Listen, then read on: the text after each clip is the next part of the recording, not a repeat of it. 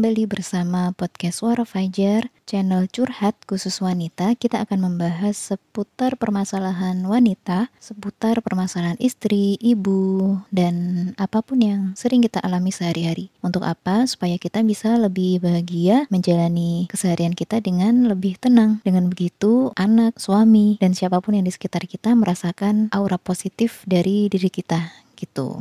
Oke, kali ini kita akan membahas tentang masalah ikatan hati ya. Ikatan hati antara ibu dan anak. Mengapa ini penting? Karena dengan ikatan hati yang terjalin antara ibu dan anak itu adalah sebagai kunci komunikasi yang baik antara kita sebagai ibunya dengan anak-anak kita. Karena lagi-lagi kita tidak bisa memaksakan anak bisa mengkomunikasikan apa pun yang sedang dialami dengan baik jika di antara kita, di antara diri kita dan anak kita tidak ada ikatan hati. Materi ini saya dapatkan dari buku tulisan tulisan Bu Irawati Istadi ya, seorang uh, yang bergelut di dunia parenting.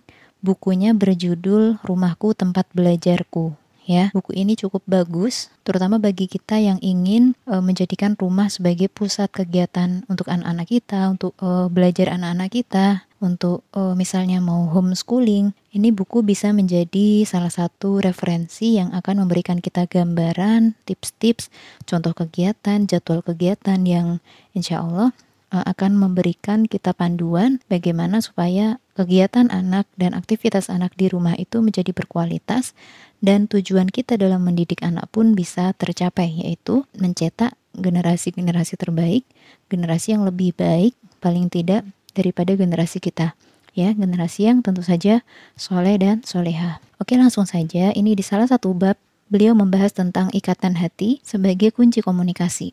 Teman-teman, ikatan hati antara seorang ibu dengan anaknya itu sebenarnya sudah terjalin, sudah mulai terjalin bahkan sebelum anak kita itu dilahirkan di dunia. Bahkan sejak anak itu berada di dalam rahim ya.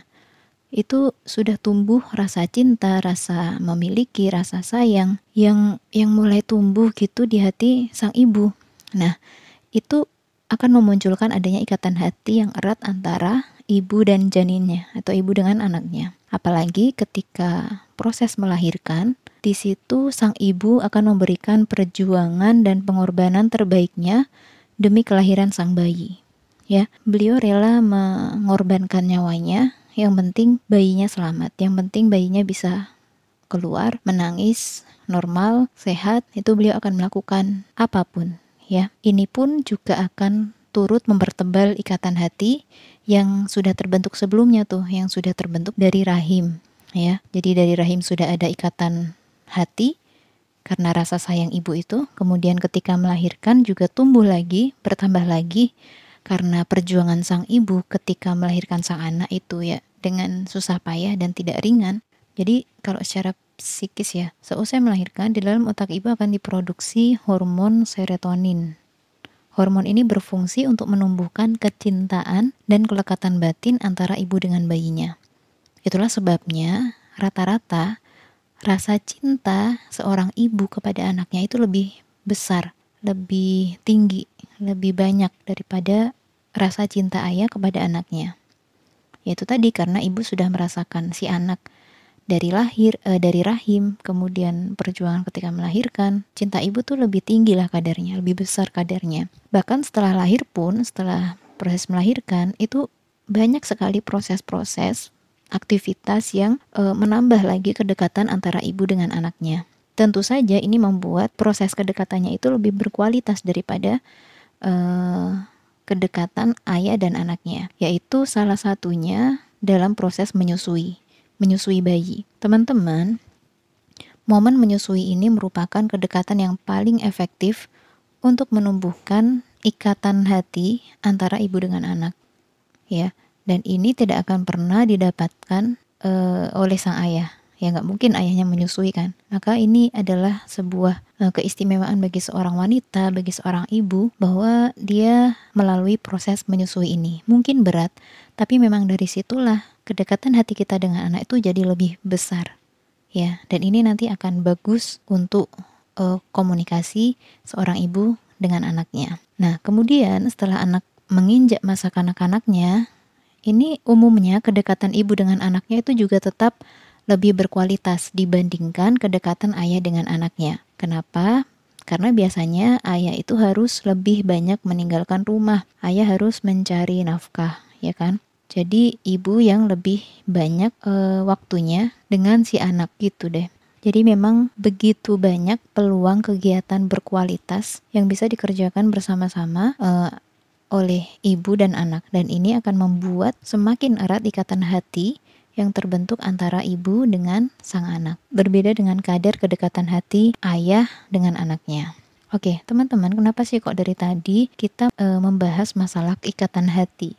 Ya, kenapa sih emang pentingnya apa? Adanya ikatan hati antara ibu dan anak. Ya, karena dengan adanya ikatan hati yang kuat antara ibu dan anak, ini ada beberapa hal, beberapa kelebihan, keunggulan, atau kebaikan yang didapat oleh ibu dan anak ketika hatinya saling terikat, saling punya keterikatan hati. Apa saja? E, ibu Irawati Istadi di sini menjelaskan ada empat keunggulan yang akan e, kita dapatkan ketika seorang ibu kita sebagai ibu itu memiliki ikatan hati yang kuat dengan anak. Kita bahas satu persatu ya. Yang pertama, kita akan lebih mudah memahami perasaan satu sama lain. Nah, lebih mudah memahami perasaan satu sama lain. Kita lihat, anak yang punya ikatan hati yang bagus dengan ibunya, maka dia itu akan tahu dengan cepat, lebih cepat ngeh tentang kapan ibunya tuh menyukai satu tindakan atau perilaku yang dia, si anak lakukan, atau kapan pula ibu tidak menyukainya. Dia tuh bisa ngerasain gitu, apakah ibu setuju atau tidak dengan perilakunya. Anak itu sudah bisa mengetahui dengan mudah hanya dengan membaca raut muka ibu, perubahan gestur ibu, cara senyumnya, cara berbicaranya itu bahkan anak e, mudah menebaknya, mudah ngeh gitu. Oh, ketika saya melakukan ini ibu kok kayak gitu ya. Oh, berarti ibu tidak suka. Nah, itu anak tuh lebih tahu, lebih cepat mengetahui hal itu. Sebaliknya, kita sebagai ibu pun juga akan bisa lebih mudah menebak apakah anaknya menyukai sesuatu hal atau tidak. Itu juga hanya dari perubahan wajahnya, perubahan mimiknya, perubahan apa ya, ekspresi dia. Terus ibu juga lebih mudah nih memahami kebiasaan dan gaya hidup anak. Anak saya seperti apa sih? Anak saya tuh sukanya apa? Anak saya nggak sukanya apa? Ibu itu lebih mudah memahaminya.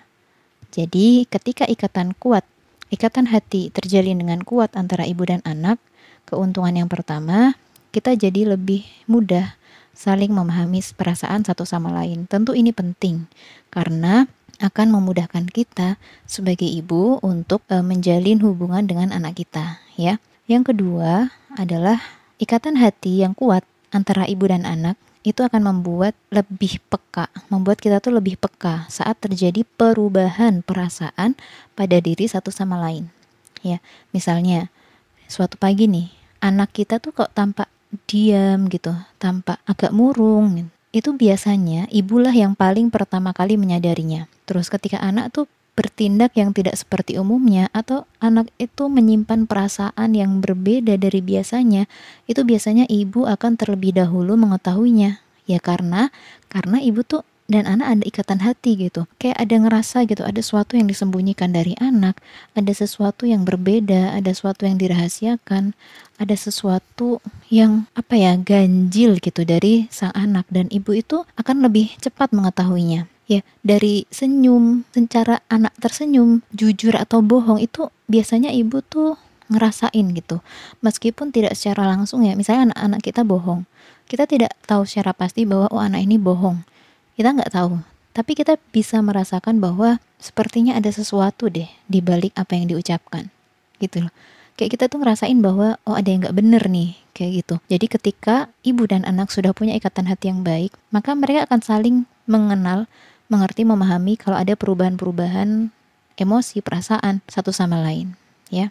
Ini yang kedua. Kemudian yang ketiga adalah dengan adanya ikatan hati yang kuat, maka anak dan ibu itu lebih mudah, cenderung tuh lebih mudah saling menyamakan perasaan dan pendapat. Jadi gini, anak yang punya ikatan hati cukup erat dengan ibunya, dia akan lebih mudah patuh nih ya.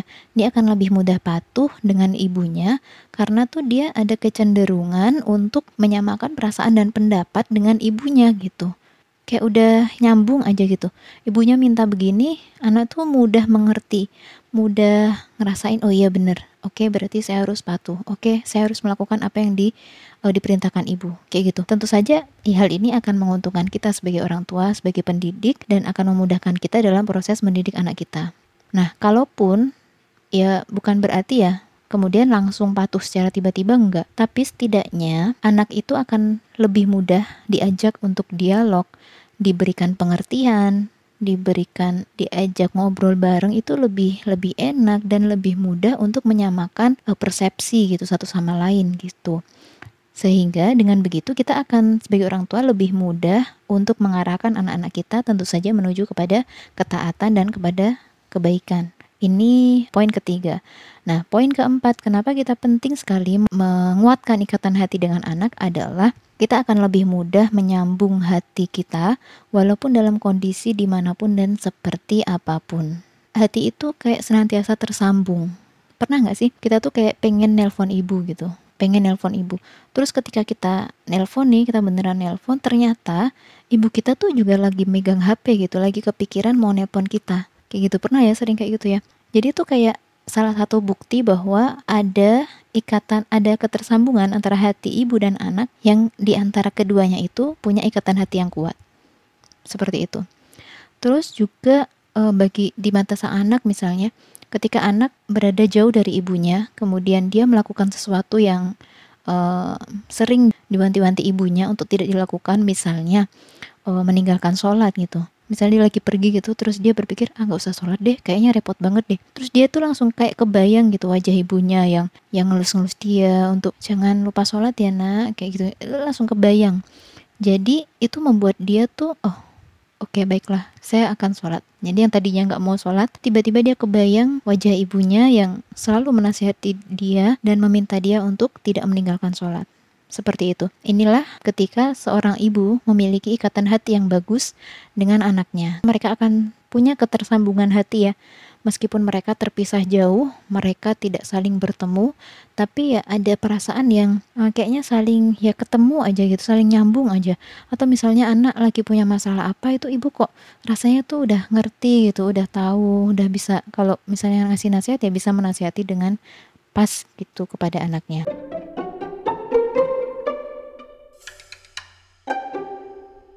Pertanyaan berikutnya adalah, gimana sih cara kita memperkuat ikatan hati antara ibu dan anak? Kita udah tahu nih keunggulan-keunggulannya, manfaat yang akan kita dapat, tapi terus gimana caranya biar kita dan anak kita tuh punya ikatan hati yang bagus gitu, ikatan hati yang kuat.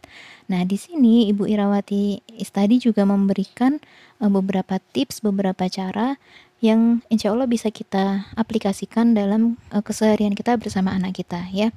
Ada enam sih di sini ya tidak banyak, tapi insya Allah jika kita berusaha melakukan uh, tips-tips ini, kegiatan-kegiatan ini, maka akan sangat membantu kita dalam menjalin ikatan hati yang kuat antara diri kita, antara diri kita dan anak kita. Yang pertama adalah e, berkomunikasi secara intensif dengan janin di dalam kandungan. Misalnya, kita dengan sering mengelus-ngelus perut, kemudian eh kita rasakan getaran dan tendangan anak kita, kita sapa anak kita, eh, kita bacakan Al-Quran, ya kan dengan suara kita. Nah, itu bisa menjadi komunikasi awal yang baik dengan ibu dan janin. Yang kedua, ini penting sekali, sangat penting bahkan di dalam Islam ini menjadi satu kewajiban bagi seorang ibu. Apa? Yaitu menyusui anak ketika ya anak bayi sampai anak berusia 2 tahun. Nah, ternyata Allah mewajibkan ini itu uh, manfaatnya sangat besar dan salah satunya adalah ini adalah cara yang efektif untuk menumbuhkan ikatan hati yang kuat antara ibu dan anak. Kemudian yang ketiga, ya, cara memperkuat ikatan hati ibu dan anak adalah dengan mendidik sendiri anak kita hingga setidaknya dia berusia 2 tahun. Ya, hingga setidaknya berusia 2 tahun. Lebih baik lagi jika bisa sampai usia 5 tahun. Dengan begitu, sebagian besar waktu anak, ya waktu yang dihabiskan anak itu adalah ya bersama ibunya. Karena di usia dasar inilah sel saraf otak yang nantinya akan menentukan adanya ikatan hati itu terbentuk paling efektif. Jadi di usia 0 sampai 2 tahun paling enggak ya paling enggak sampai 5 tahun itu kita yang mendidik sendiri karena di situ adalah masa yang efektif untuk menjalin ikatan hati dengan anak-anak kita. Yang keempat, caranya adalah kita upayakan memiliki special time rutin dan berkualitas dengan anak. Jadi, ibu itu harus punya waktu yang khusus dengan anak untuk berkomunikasi secara efektif sehingga bisa mempererat kontak batin. Misalnya cuma kita khususkan waktu untuk ngobrol ke anak, tanya ke anak apa yang sudah dijalanin hari ini, apa yang sudah dilakukan hari ini, main apa aja, perasaannya bagaimana, itu kita uh, sediakan waktu meskipun ya cuma 10 sampai 15 menit setiap harinya selama itu rutin dan selama itu berkualitas. Yang kelima, senantiasa berkomunikasi positif dengan anak. Jadi kita jalin komunikasi dua arah yang menyenangkan bersama anak. Ya, yang saling terbuka, yang akrab gitu. Meskipun, nah ini yang kadang sulit adalah ketika kita dalam kondisi emosi entah apa pemicu emosinya tapi kadang kali kadang kala uh, sering sekali berefek pada cara kita ngomong ke anak kita. Nah, ini kita perlu belajar untuk tetap mengkomunikasikan apa pun atau berbicara dengan anak itu dengan cara yang baik sekalipun kita tuh dalam keadaan kesel, dalam keadaan marah, dalam keadaan emosi. Ya, ini Hah, PR buat saya, tapi tidak apa-apa kita belajar perlahan demi perlahan ya, pelan-pelan ya. Dan yang keenam adalah kita perlu melakukan kegiatan, senantiasa melakukan kegiatan berkualitas bersama anak. Semakin banyak kegiatan berkualitas, kegiatan yang dilakukan ibu bersama anaknya, maka semakin tebal pula ikatan hati yang akan terbentuk ya jadi ya misalnya kita lagi bareng-bareng sama anak di ruang tamu atau di ruang di apa ya di teras gitu. Itu jangan biarkan kemudian waktu kosong terbuang percuma. Maksudnya gini anak main apa ibunya sibuk sendiri dan sebagainya. Tapi ya upayakan ada e, obrolan, ada pertanyaan, kita menanggapi apa yang dilakukan anak dan sebagainya. Jadi jangan kemudian masing-masing bawa gadgetnya sendiri-sendiri terus ya udah nggak ada komunikasi nggak ada komentar nggak ada saling saling ngobrol. Jangan sampai seperti itu. Jadi uh, semakin banyak kegiatan yang berkualitas yang kita lakukan bersama anak kita maka itu akan membuat semakin tebal uh, ikatan hati yang ada di antara kita dan anak ya. Ya meskipun bukan berarti kita nggak kita harus terus ngobrol ke anak nggak ya. Karena anak pun juga punya keinginan untuk melakukan kegiatannya sendiri dan sebagainya ya itu oke okay.